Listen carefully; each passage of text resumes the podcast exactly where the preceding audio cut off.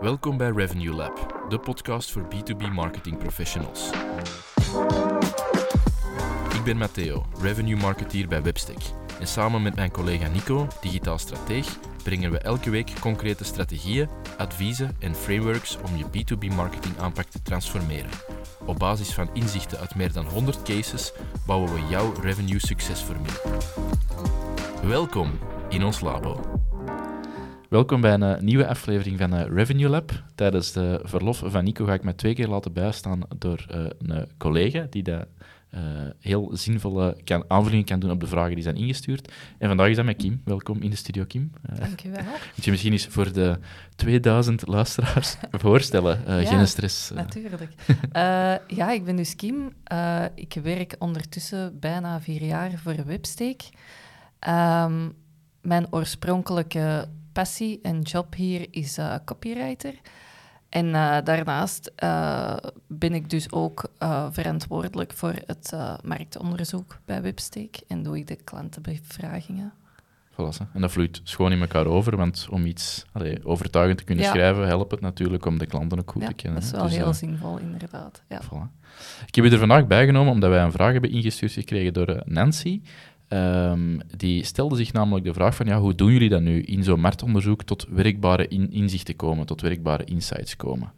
Um, we hebben er een klein beetje over gesperd. We hebben wel wat goede dingen bij, denk ik. En ik hoop dat we met ons betoog van vandaag Nancy kunnen overtuigen uh, van onze aanpak om effectief tot die uh, inzichten te komen, om haar strategie aan te scherpen. Hè. Dus uh, zullen we erin vliegen? Ja, Top. vliegt erin.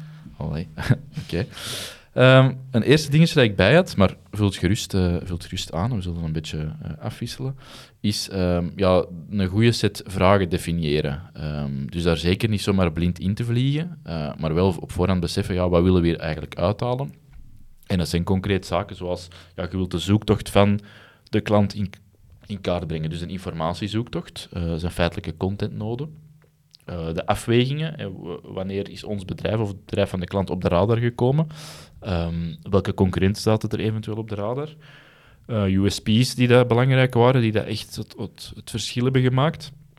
Hoe dat de samenwerking verloopt als er tot een samenwerking is gekomen en wat dat er mogelijke werkpunten of verbeterpunten zijn doorheen het hele traject. Um, het is heel stoem, maar noteer die vragen voor u. Je hebt die vragen vast voor u als, als lijst. Um, want anders gaan uw bevragingen ja, all over the place ja, natuurlijk. Ja, inderdaad. Ja, wij starten ook eigenlijk altijd met uh, een vaste set van vragen, maar wij hebben op voorhand wel een gesprek met de klant. Uh, wat is er belangrijk voor u, inderdaad? En um, dat kan wel heel die vragen om, allez, omvergooien. Um, dus niet zomaar blindelings voor elke klant dezelfde vragen pakken en uh, ja, gewoon toespitsen inderdaad op de contentnoden van de klant, want dat is wel iets dat wij willen weten. Ja, het is inderdaad het is een startset van vragen, dus je kunt die hebben liggen, je kunt daarin schrappen afhankelijk van het segment dat je bevraagt. Um, misschien nog een, een, interessante, die heb ik u een tijd terug eens horen zeggen, um, en er is misschien ook een logische evolutie, is dat je vragen, die, je hebt die, um, als je een gesprek met een, een klant hebt om, mm -hmm. om inzichten te vergaren, van die van breed naar smal uh, te doen, of van breed naar heel niche. Ja, omdat je dan mensen toch ergens meer op hun gemak stelt en dat je dan meer uh, of, of, ja, eerlijkere antwoorden krijgt op het einde van de rit. Als het ietsje dieper graaft, als je, als je het wat breder houdt in het begin, dan heb je ze sneller mee. Ja, um, ja dat mag ook best losjes gaan. Um, in het begin vragen van, uh, allez, stel u een keer voor. Um, die mensen gaan dan ook meer op hun gemak zijn, gelijk dat je zegt. Um, om dan zo wat door te graven naar op welke social media zit je. Want als je dat omgekeerd gaat doen, als je smal begint en breed eindigt op den duur, ja, dan gaan die vragen zo wat verloren en dan linken die niet echt uh, de, bijvoorbeeld de vragen rond social media aan hun persoonlijk gebruik, maar aan, uh, aan de partner waar dat over gaat. Ja, inderdaad. Dus, dat, is, uh, dat te veel getekend is door uh, ja, de klant ja. en dat ze alleen nog maar in functie daarvan ja, antwoorden. Terwijl dat je net het, het bredere plaatsje wilt zien. Dus het mag heel algemeen beginnen. Ja. En dan ook de vragen, ja, proberen zo open mogelijk te formuleren, denk ik. Dat is ook nog een tip dat we kunnen meegeven. Ehm, dat, de bedoeling is wel om aan te moedigen dat er een, een, een diepgaand antwoord komt, want ja, dat wil je natuurlijk een, een snelle ja-nee-vraag of een heel kort antwoord, daar kun je minder gaan uitpuren qua, Ja, qua inzichten en qua, qua learnings ja natuurlijk. dat is. Ehm, ja. ja. eh, bijvoorbeeld, allee, een voorbeeldvraag die ik je heel graag stel, is: eh beschrijf nu eens die organisatie in x aantal woorden of zinnen. En dan krijg je altijd wel heel relevante info en eerlijke antwoorden. Eh, dat is zo in een nutshell wat dat die, hoe dat die relatie dan is eigenlijk. ja, zo'n beetje uit hun tent lokken soms. ja, ja, eh, ja. Dan je komt het het zo vraagt. op gang. Zo. Ja. Ja. Oké. Ja. Voilà. Dat al een paar met betrekking tot eh, de vragenlijst. Eh, een tweede dat ik hier had opgeschreven was, ja, maak de doelstellingen heel, heel goed duidelijk op voorhand. Eh, vanuit onze optiek is de bedoeling om ehm, inzichten te vergaren om de marketingstrategie, de, de marketing-communicatiestrategie te verbeteren of aan te scherpen. Ehm, de, de, de klant zelf, waarvoor dat we de bevragingen doen, die zegt soms, ja, dat is een goede basis, maar wij willen ook heel specifiek eh, doorvragen op onze service, hoe dat die klanten onze, de, de samenwerking ervaren en, en de dienstverlening die dat we bieden. Dat is dan een uitbreiding op onze standaard vragenlijst. En natuurlijk, soms bevraag je niet per se eh, klanten. Eh, er zijn evengoed trajecten waarin dat we zeggen, oké, onze intermediairs, onze verdelers, wij willen eigenlijk eens een keer weten ehm, hoe dat die de relatie met ons aanvoelen, hoe, dat die, hoe dat wij daar op de radar zijn gekomen. Ehm, dus ja, dat verandert de vragenlijst ook wel een klein beetje. Ehm, dus heel, heel Ja. goed afspreken met de klant, of, of als je de bevraging gaat doen, hè, met, met je, je C-level bijvoorbeeld, eh, wat is het eindproduct? Wat willen ze er juist uit, uit leren? Eh, want als je dat niet doet en je begint aan je vragenlijst dat je in, in ja, het opgesteld, je, je template vragenlijst, je, je standaard vragen, dan kan het zijn dat je daar niet de informatie uithaalt dat je nodig hebt. Dus Ja. heel goed aflijnen van waarom doen we dit, wat willen we eruit meepakken en welke eh, Ja. mogelijke allee, impact of, Mhm.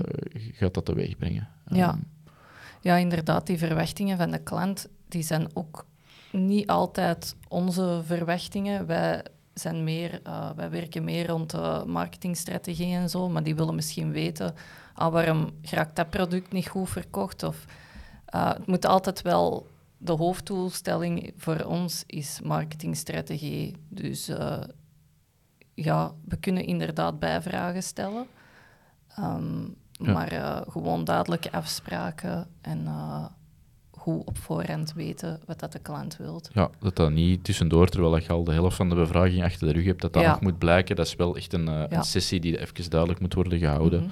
zodat je eh, samen die vragen kunt eh, afkloppen en, en de verwachtingen kunt kortsluiten. Ehm, ik heb er hier nog een derde, wel een belangrijke, want daar zien we dat soms wat tegen gezondigd wordt en dat vertekent alles toch wel. Het gegeven dat er een blinde selectie moet gebeuren van eh, participanten, van mensen die dat je effectief gaat bevragen, is niet altijd het geval. wordt soms wat ingestuurd, maar dan krijg je natuurlijk ook, ja, als heel logisch gevolg daarvan, eh 100% positieve antwoorden of heel gelijkaardige antwoorden waar dat je niet echt ja, iets kunt uithalen, waar dat je niet concreet mee aan de slag kunt. eh, net omdat het zo ja, Ja, gestuurd En, ja. ge- en voorgeselecteerd is. Ja, dat is ook natuurlijk wel de bedoeling van eh, zo'n bevragingen, dat je je, ja, je aanpak een beetje kunt bijschaven. En er mogen af en toe wel eens ook lost clients in zitten. Ehm, ja, het, is zo dat ja, er gaan altijd een paar klanten afspringen en eh, je wilt weten waarom. En eh, op basis daarvan zien hoe dat je die noden beter kunt beantwoorden.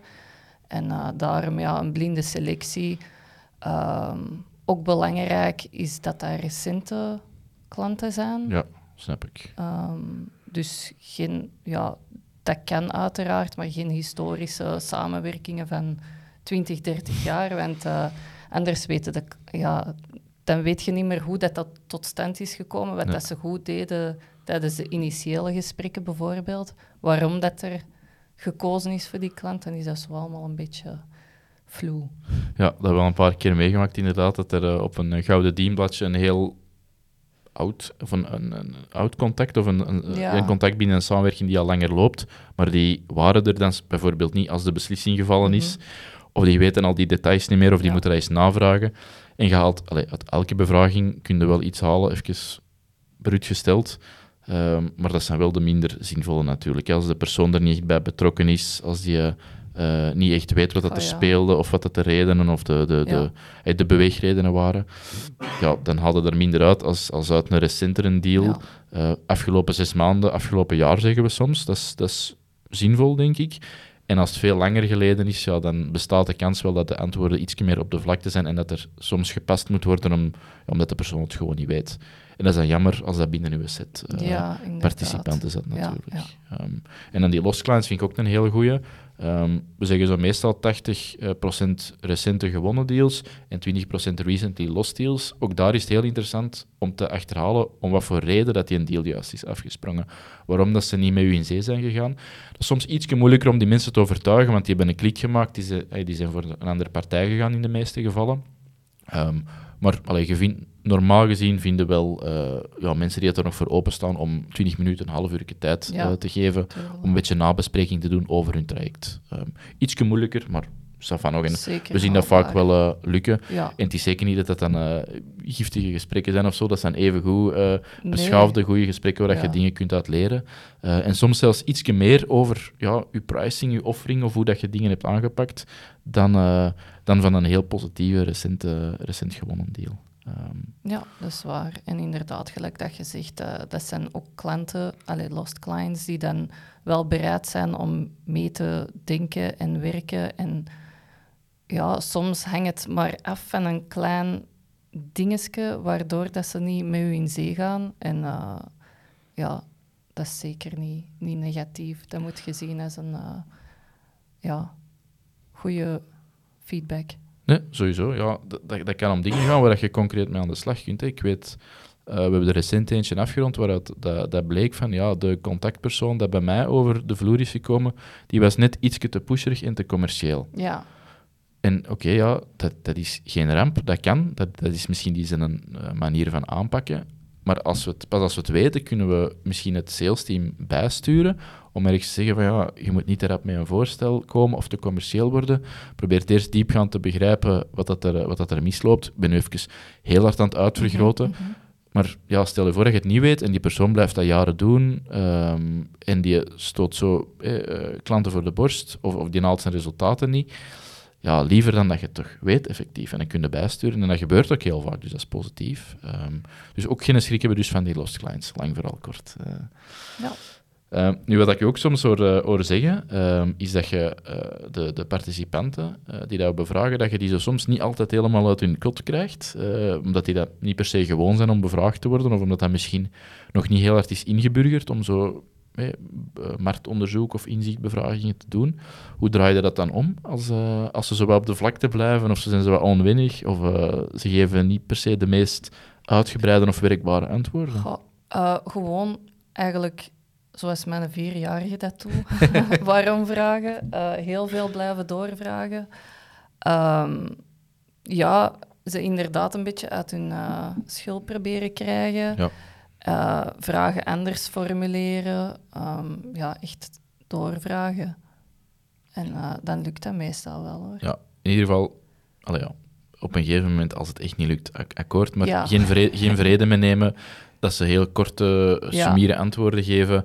Waarom vragen? Inderdaad, zoals de Klamannen dat Ja. doen. Uh, misschien eens een vraag omdraaien. Mhm. Uh, of misschien niet verwachten van, ja, geef mij hier een heel poëtisch antwoord in meerdere zinnen, maar zeg het nu eens in een paar steekwoorden bijvoorbeeld. Dat zou dan nog iets kunnen zijn, Ja, zoals dat je er straks aanhaalde.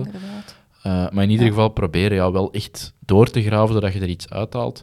En ze zeggen dat soms, je moet vier keer waarom vragen om tot de essentie van iets te komen. Dus zelfs als een vraag er op de oppervlakte, dat die redelijk bevredigend beantwoord is, eh, misschien zelfs dan ook blijven doorvragen, want ja, je wilt er zo wat de, de toplaag Ja, ja. vernies afhalen om echt tot de, Ja. tot de, de kern van de zaak eh, te gaan. Dus eh, dat blijven doorvragen, echt onderzoeken. Ja, het zit natuurlijk in marktonderzoek, dat, is ook Mhm. wel, dat is ook wel een punt Ja, natuurlijk. ja, en Ja. mensen zijn dat inderdaad niet gewoon. Je zit daar wel met een vreemde aan tafel. Ja. En om dan zo even de hele samenwerking bloot te leggen, ja, dat is, dat is een beetje awkward soms misschien. Ehm, ja, inderdaad, eh, blijven doorvragen. En daaruit vloeien dan ook soms andere vragen dat je kunt gebruiken voor je toekomstige bevragingen. Dat je denkt, ah ja, mensen vatten die vraag een beetje anders op dan dat ik ze bedoel. Dus uh, misschien moet ik ze zo formuleren. En dan kun je de originele lijst gaan bijschaven, ja, bijvoorbeeld. Ja, een beetje tweaken, ja. Dat is een goede, inderdaad. Dat, dat, inderdaad, want we hebben dat nu gezegd, dat is uw st standaardlijst, maar dat is maar een vertrekpunt ook, hè? Ja. Uh, naar, naar puntje 1 dat we even Dat is ook organisch, hè? dat breidt zich uit uh, naar gelang het onderzoek. Wij zitten aan versie 4, denk ik, ondertussen van onze standaardlijst, dus dat is wel iets dat in beweging is. Ja. Nu, een puntje dat daarop inhaakt, we hadden het hier apart opgeschreven, maar dat is gegeven van ja, anonimiteit. Um, we hebben er zelf ook een tijdje mee gespeeld van die bevragingen op te nemen, maar we, we hebben wel gemerkt dat dat zo een drempel betekent voor veel mensen. Hè? Uh, wat, is, wat is uw mening erover, dat opnemen toegevoegde waarde, of is dat in een andere vorm even goed? Uh, en, en, en, krijg je dan misschien meer antwoorden als het niet wordt opgenomen? Of, uh, dat is misschien heel sturend wat ik hier nu zeg, maar... Uh... Ja, ik denk dat dat sowieso inderdaad wel een drempel is, dat de meeste mensen niet echt willen dat je die opname zo voor eeuwig in je archief hebt en mm -hmm. dat die eventueel kan worden doorgespeeld. Dus anonimiteit is belangrijk. Het, ja, echt het gegeven van die opnames, we vonden dat voor het kunnen herbekijken en voor misschien ah, ja, zo nog wat subtiele nuances op te pieken, vonden we dat wel iets. Maar we hebben toch wel echt gemerkt, er is weerstand Ah, op en dan gaat de respons toch wel naar beneden als je het echt uh, erop aandringt van het op te nemen. Hè. Um, Ja, en uh, die geschreven antwoorden, ik denk eigenlijk ook wel dat dat voldoende is. Um, dat de interviewer, die heeft voldoende ervaring om dat ja, zo breed mogelijk, allee, zo gedetailleerd mogelijk eigenlijk uit te leggen. Um, van ja, die klant is met hen in zee gegaan om die en die reden. Um, je kunt er echt wel genoeg informatie uithalen. Ja, en inderdaad, je moest ze zeggen van ja, we gaan ons zelfs niet laten vangen aan dat opnemen. Het zal misschien niet sommige, voor sommige bedrijven wel lukken. Wat ik ook een interessante vond, wat ik jullie in een tijd heb zien doen, is dat er uh, een tweede persoon mee in het gesprek zit, langs onze kant, langs de kant van de bevrager, en dat hij ook notities neemt, zodat er Ah, effectief ja. niks gemist kan worden. Ja, ja, ja. Dat vond ik ook wel een goeie. Um, al is het maar misschien om, om mee te starten, maar als, als je zo wat erin rolt en probeert ja, de eerste stappen te zetten met die bevragingen, is het misschien goed van niet alleen één bevrager er te zetten, die dat dan eigenlijk al een beetje een, een onderzoeksjournalist is en tegelijkertijd moet noteren, wat niet zo evident is, Ja. maar misschien er nog een tweede persoon naast zetten, zodat die notities kunnen worden vergeleken of eh, op elkaar worden gestapeld. Ja, en dan heb je er echt alles uitgehaald en heb je niks gemist. Ja. Um, en als er dan nog een, hey, er zijn ook templates uh, voor als je dan een mooi rapportje ervan schrijft, dat een beetje inzoomt op hey, wie was die persoon, hoe zag die zijn proces eruit, uh, bij welke informaties die blijven stilstaan, welke concurrenten heeft hij overwogen, dat kan een vast template zijn. Ja. Ja. dan is dat even goed natuurlijk. Hè. Dan haal je er nog altijd de informatie uit dat je nodig hebt. Ja. Um, En misschien daarop voor, ja, doe maar. voorbereidend. Um, ja, als je een gesprek hebt afgerond, dat toch binnen het uur te noteren. Want anders gaat er veel info verloren. En als je dan nog een gesprek van vorige week moet uh, uitschrijven, dan... Ah ja, wie was dat nu weer? Ah, ja, allee, ik doe dat toch wel uh, dezelfde dag nog. Ah, ja, dat okay. ik zeker weet van... Uh, dus notities tijdens en dan zo het, ja. het dossiertje tussen aanhalingstekens, dat probeert je korter ja, uh, dat daarna dat nog. vers in het brein zit. Ja. Kan ik me wel inbeelden, want ja, met hoeveel bevragingen dat jij doet, dan gaat het misschien wel door elkaar op Ja, den duur. Inderdaad. Dus inderdaad, kort daarna samenvatten dat er zeker niks verloren gaat van nuance. Ja.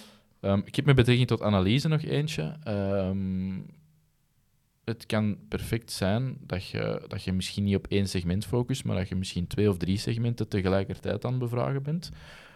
Uh, heeft niet direct mijn voorkeur, omdat dat misschien wat verwarrend kan zijn op den duur en dat dat misschien wat de diepgang eruit haalt.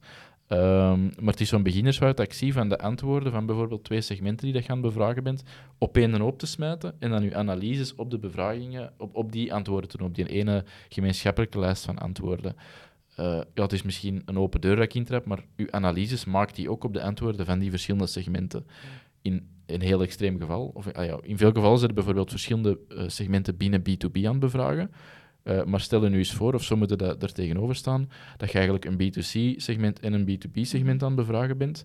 Ja, het zou totaal niet zinvol zijn om die hun antwoorden Nee. op één en op te smijten en dan daar iets proberen uit te halen. Uh, dus probeer echt zo extreem te denken van ja, het zijn misschien wel twee ja, gelijkaardige segmenten binnen, binnen B2B, zelfs dan. Probeert die echt goed op te splitsen, probeert die met labels of met, ik weet niet hoe dat je het zou doen, aan te geven, ja, dit was dit segment, dit was dit segment. Uh, en doe je analyse ook in functie van. Uh, want je gaat er toch altijd andere nuances uithalen, Ja, los van het feit dat misschien 90% hetzelfde is. Hè? Dat die van dezelfde serviceopmerkingen hebben, dat die ongeveer een gelijkaardig zoektraject hebben doorlopen. Ehm, maar die gaan waarschijnlijk heel andere events bezoeken, eh, bijvoorbeeld. Ehm, Ja. en dat wilde niet gewoon algemeen zeggen, ja, de, de, de, de, de VOCA-events staan hoog op de agenda, terwijl dat, dat misschien alleen in segment eh, B was en niet in segment A. Dus ja, gewoon zo een, een, iets om op te letten. Eh, je hebt je antwoorden, je hebt je dossiertjes per, eh, per eh, persoon die dat je hebt bevraagd, maar ja, houd die wel duidelijk uit elkaar, de segmenten. Ja, Ehm, ja. En ook wat ik heb genoteerd nog, ehm, liefst maar twee segmenten per reeks. Ja. Je kunt dat nadien nog uitbreiden, maar niet te veel op één en hoop gooien. Ehm, dan wordt het voor jezelf ook een beetje verwarrend, maar je wilt duidelijk aflijnen ehm, allee, per doelgroep wat de antwoorden zijn. Uh, ik denk dat het belangrijk is om gewoon ja, nauw te beginnen, op dat vlak dan weer wel. En dan nadien kun je uitbreiden als je zegt van ja, die een doelgroep is toch nog wel relevant om in toekomstige bevragingen te Ja. doen. Ehm, maar niet te veel willen in één keer. Nee, want het is wel een intensief iets. En je, bent er wel, je steekt er wel veel tijd in, je bent ermee bezig. En je wilt allemaal inderdaad ja, ook niet te verwarrend maken, de, de, de uitvoering, de analyse achteraf. Dus probeer in het begin wat focus te leggen op, op twee MVP-segmenten of twee heel belangrijke segmenten. En dan achteraf, als je daar genoeg over weet, kun je naar andere gaan, bijvoorbeeld. Um, dus sowieso een goede, het allemaal ook niet te, te extreem maken. Uh, als je ja, deze aflevering specifiek kijkt, ben je er waarschijnlijk nog mee aan het beginnen of mee aan het starten. Dus laat u dan zeker niet vangen om ineens drie, vier, vijf segmenten tegelijkertijd te, te bevragen. Nog een hele praktische, um, maar wel ene dat, dat ik zo toch ergens soms een drempel zie vormen, is, ja, je kunt je proces van uitnodigen, hè, die blinde selectie, dat kun je zelf een beetje invullen. Uh, wat dat wij er wel een best practice vinden, is die blinde selectie, uh, die 20 of die 30 hè, bijvoorbeeld, mm -hmm. in, in eerste fase die je zou bevragen, van die zelf slots in je agenda te laten boeken. Um, ja. Dus dat je die een link stuurt naar een online boekingstoel en dat die zelf kunnen zeggen, ah, wel, dat moment komt mijn UC heel hard uit. Uh, dan vang je er misschien al de helft af die zelf een moment kiezen. Daar moeten zelf niet op, ja. op gaan jagen, bijvoorbeeld. Um, en dan de mensen die dat overblijven, dat je zegt, oké, okay, daar ga ik nu op nabellen om te zien wanneer dat we een geschikt moment kunnen vinden. Maar ergens ook duidelijk te zeggen, na drie of vier keer opvolgen, die mensen zijn waarschijnlijk niet geïnteresseerd. Want in het verleden, en dat is een learning langs onze kant dat we meegeven, als we langer dan vier, vijf, vier keer opvolgen, een vierde, een vijfde en een zesde keer, um, de kwaliteit van die bevragingen, uh, die daalt wel Ja, heel sterk, ja. omdat mensen ja, er dan vanaf willen zijn en dan zeggen die on the spot, ik heb vijf minuten, we zullen snel, snel de vragenlijst aframmelen. Ja, dat is minder zinvol natuurlijk. Dus dat is jammer dat die mensen die dat dan waren voor ingelicht niet willen meewerken, maar je moet dat op een gegeven moment wel loslaten. Um, om, om, omdat je beseft of, of weet van ja, de antwoorden dat er nu waarschijnlijk gaan uitkomen na die vijfde of zesde keer dat we die hebben opgevolgd, dat gaat toch niet de toegevoegde waarde brengen. Nee, Um, nee, dat is wel ergens, ergens weg te schrijven dat die persoon dan niet wilde meewerken natuurlijk, maar ik denk dat je heel snel merkt, en misschien dat vier al veel is, maar vier hebben we zoals stelregel ergens, uh, of als vuistregel. Uh, probeert die mensen ook niet tot in het oneindige op te volgen. Ben je zelf ooit eens opgevolgd uh, een tiende en een elfde keer, dan weet je dat dat niet aangenaam is en dat dat al zo'n klein beetje op je zenuwen werkt. Dus ja, blijf daar dan van weg en vraag eventueel als uw originele set of uw originele poelen van uh, participanten niet groot genoeg was, ja, dan kun je de volgende poelen gaan, uh, gaan vragen of extra, extra mensen om toe te voegen. Ja. Um, Maar die online tool, daar ben ik ook echt wel fan van. Want daarvoor, dan moest ik inderdaad veel bellen van, ja zeg, um, allee, na de derde keer. En dan merkte toch ook wel ja, dat mensen nu afblokken, terwijl dat, als ze zelf de vrijheid hebben. Um, ik doe ook soms avondboekingen, ik denk uh, twee keer per week, zodat mensen na hun werk zo nog iets hebben van, ah oh ja, oké. Okay. Allee, dat is niet de grote moeite. En uh, in tegendeel, dat bespaart u heel veel werk met uh, ja, mensen die niet per se van even de eerste keer willen meewerken. Ja. Ben ik een Nico aan het doen? Nee, nee, dat is perfect, denk ik. Sorry. ik denk dat dat Nico gewoon niet meer moet terugkomen. ja. Uh, ja. Nee, en, en zie je dat, dat is misschien een, ran, een random vraag, zie je in de avonturen er meer bereidheid voor, bijvoorbeeld in een, uh, in een B2B-sfeer? Of... Eigenlijk ook zelden. Hè? Ah, meer okay. B2C dan. Zo mensen dan na een dag werk, uh, ja, allee, ik zal dan ook eh, zeggen, een vastgoedspeler van ons. Ja. Ehm, ja, die mensen, dat is dan voornamelijk s'avonds of op een verlofdag of zo, dat die zeggen van, ah ja, nu kunnen we ons er wel even voor vrijmaken. En dat Ja. zijn ook heel losse gesprekken. Dat is zo, ja, pff, met een wijntje erbij of zo, en de hond van achter. Ja, oké. ja. Ah, oké. Dus niet per se een lijn. niet- ah, ja, dat kan. Nee, ja, nee. Eigenlijk vooral eh, B2C. Ah, oké. B2B niet echt. Alright. Top, goed dat je dat doet, dank u. Ehm, nu, we hebben het vaak over in, in eerste instantie dat je 20 à 30 bevragingen doet om een beetje een beeld te krijgen van een bepaald segment, of à la limiet twee segmenten die wat gemeenschappelijkheden hebben. Ehm, ik vind ook op een gegeven moment, eh, want er zijn evengoed eh klanten waarvoor dat we 50, 100, 200 bevragingen doen op redelijk korte Mhm. tijd. Eh, dan begint het ook interessant te worden om niet alleen uw notities te hebben, maar om ook ergens de antwoorden te gaan visualiseren. Bijvoorbeeld dat je zegt, er wordt hier op tien verschillende manieren service aangehaald als USP of, of als iets dat, eh, waar ze heel sterk van wakker liggen, wat ze heel goed vinden. Ja, dan kun je zeggen, oké, service krijgt hier 10 punten, USP eh 2 krijgt er 8, USP 3 krijgt er 5. En dan kun je er al wat grafieken van beginnen maken. Eh, dus dan heb je kwalitatieve antwoorden, die zou ik nooit wegsmijten, nooit overboord smijten. Ja, dat is natuurlijk je basis. Maar om er analyse op te doen op 200 bevragingen, 200 van die dossiers, is misschien wel interessanter ehm, om, met wat om met wat slimme grafieken te werken. Je hebt er bijvoorbeeld Pareto-charts, vind ik heel interessant. Eh, je moet natuurlijk wel je, je doorlichting doen van je dossiers. Mhm. Uh, maar daar hebben we ook wel een goede wisselwerking in, denk ik, bijvoorbeeld voor onze voor, de, voor mijn klanten waar we bevragingen op doen.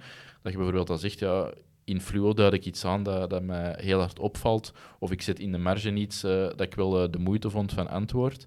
En ja, als je dat afspreekt eh, met de persoon of de personen die de bevragingen doen, los van het feit dat je het altijd wel volledig moet gelezen hebben, is dat wel tof van, ah ja, dat viel de bevrager hier wel op, of daar staat hij expliciet bij stil, omdat dat misschien ja, toch wel iets heel opvallend of frappant was of zoiets. Dus ehm, die dossiers sowieso lezen, uitpluizen, misschien afspreken met eh, de persoon of het team van eh, bevragers eh, dat op het project werkt, om al hun ja, eerste gedachten of hun eerste ideeën in de marge te zetten of aan te duiden. En dan vanaf dat je genoeg, genoeg volume hebt, en voor mij kan er al vanaf een vijftigtal bevragingen, dat je misschien ook ergens iets in grafieken of dat je het visueel probeert voor te stellen. Ja, ja. Dat is ook voor de rapportage naar, in ons geval dan de klant, in uw geval misschien het C-level of eh, de, de, de, het management. Ja, dat gaat verteerbaarder zijn dan dat je 50, 100 of 200 van die dossiers gaat moeten voorlezen. ja, dat is wel behapbare info. klanten zien dat ook wel graag. Hè. Dat is eh plezanter en inderdaad, we sturen altijd, allee, wij geven altijd alles mee, eh, maar proberen dan wel een heel duidelijk beeld te, te, te vormen van het traject. We proberen het er echt uit te distilleren van, ja, we hebben nu geleerd uit die bevragingen, Ehm, maar je kunt altijd zelf rustig al die dossiertjes nalezen. Hè. Ja. Alright, ik heb er hier nog eentje. Ehm, ik zal misschien aan u laten, de afsluiter. Eh, Ja. Ehm, ja, je begint dus... Allee, de klanten beginnen vaak met een eh, grote groep van eh, bevragingen. Ehm, maar het is ook wel belangrijk om een beetje de vinger aan de pols te houden en dat toch maandelijks te herhalen. Dat moeten er helemaal niet veel zijn, maar dat is zeker wel zinvol, eh, zodat er geen grote verrassingen uit de kast vallen. Eh, ik stel voor zo een 2 à 3 per maand, dat dat wel, eh, dat is zeker haalbaar ook. En op basis daarvan dat je zo een beetje kunt sparren met de klant van oei, nu komt dat eruit. Ehm, Ja. Misschien dat we onze communicatie even moeten fine-tunen. Bijvoorbeeld, ja. Ja, Er kan van alles bewegen of schuiven, dus het is Ja. sowieso een goede van daarmee te starten. Dat is al een supergoed initiatief, maar dan zien dat dat daarna niet stilvalt en dat je Mhm. altijd wel een beetje de, ja, de vinger aan de pols houdt, zoals gezegd. Hè. Dus, eh, voilà. Eh, dat was hem een klein beetje langs onze kant.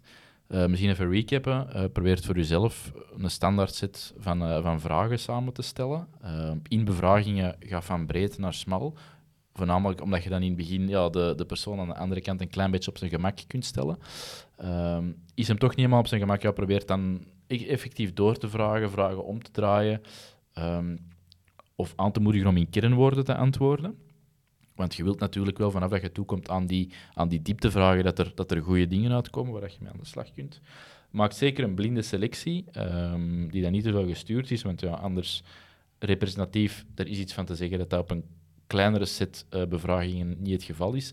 Maar als je nog eens heel erg, heel erg gaat sturen, ja, dan gaat het alleen maar minder worden, omdat je er waarschijnlijk dan de, alleen maar de super tevreden klanten uit had, die, waarvan je weet dat die je altijd op 10, een 10 op 10 gaan geven over heel de lijn. Dat is niet de bedoeling. Probeer dat wel eerlijk, uh, een eerlijke selectie te maken. Of een voorselectie, waar dat dan later op verder kan gewerkt worden. En zie je er ook ongeveer een 20 à 25 procent verloren deals in zitten. Uh, recente, recente verloren deals. Uh, die dat je zou kunnen bevragen, zodat je ook daar inzichten en verbeterpunten kunt uithalen. Uh, analyseer per segment. Dus gooi niet alles op een hoop als je meerdere segmenten bevraagt, maar bekijk de antwoorden per uh, segment. Ga wel zeker niet overboord bij de start. Hou het op een 2 à 3 segmenten max. En achteraf kun je dan uh, er extra's gaan bijnemen of extra segmenten gaan bevragen. Uh, ja, heel praktisch, laat mensen zelf slots inboeken. Dan, dan zijn meestal de, de helft van de participanten hebben dan zelf een moment gekozen dat hun goed uitkomt. Uh, dan moet ook al minder najagen op, uh, op, op, de anderen, uh, op de, het andere deel van de selectie. En sowieso, als je een derde, vierde keer moet opvolgen en het blijft allemaal heel vrijblijvend of je krijgt ze niet te pakken, laat dat dan misschien los. Um, je gaat er waarschijnlijk, zien wij dan toch niet de meest zinvolle antwoorden niet meer uitkrijgen, of dat gaat heel snel, snel afgehaspeld worden, dat is ook niet de bedoeling. En ja, de afsluiter van Kim, volledig on point. Uh, gestart ergens met de bevragingen. Um, maar natuurlijk, hoe verder dat je daarvan verwijderd zit in een tijd, hoe meer en meer dat dat ook ja, uh, niet meer 100% representatief is. Dus doe u een originele set, maar vult wel maandelijks aan met nieuwe bevragingen, of weer maandelijks bevragingen te doen, om de vinger aan de pols te houden. Er bewegen dingen, schuiven dingen, en dan kun je vlot inspelen op, uh, op inzichten die dat, die dat komen bovendrijven. Voilà, even de recap. Kim, een super harde merci voor mee te doen. Vond het wel plezant?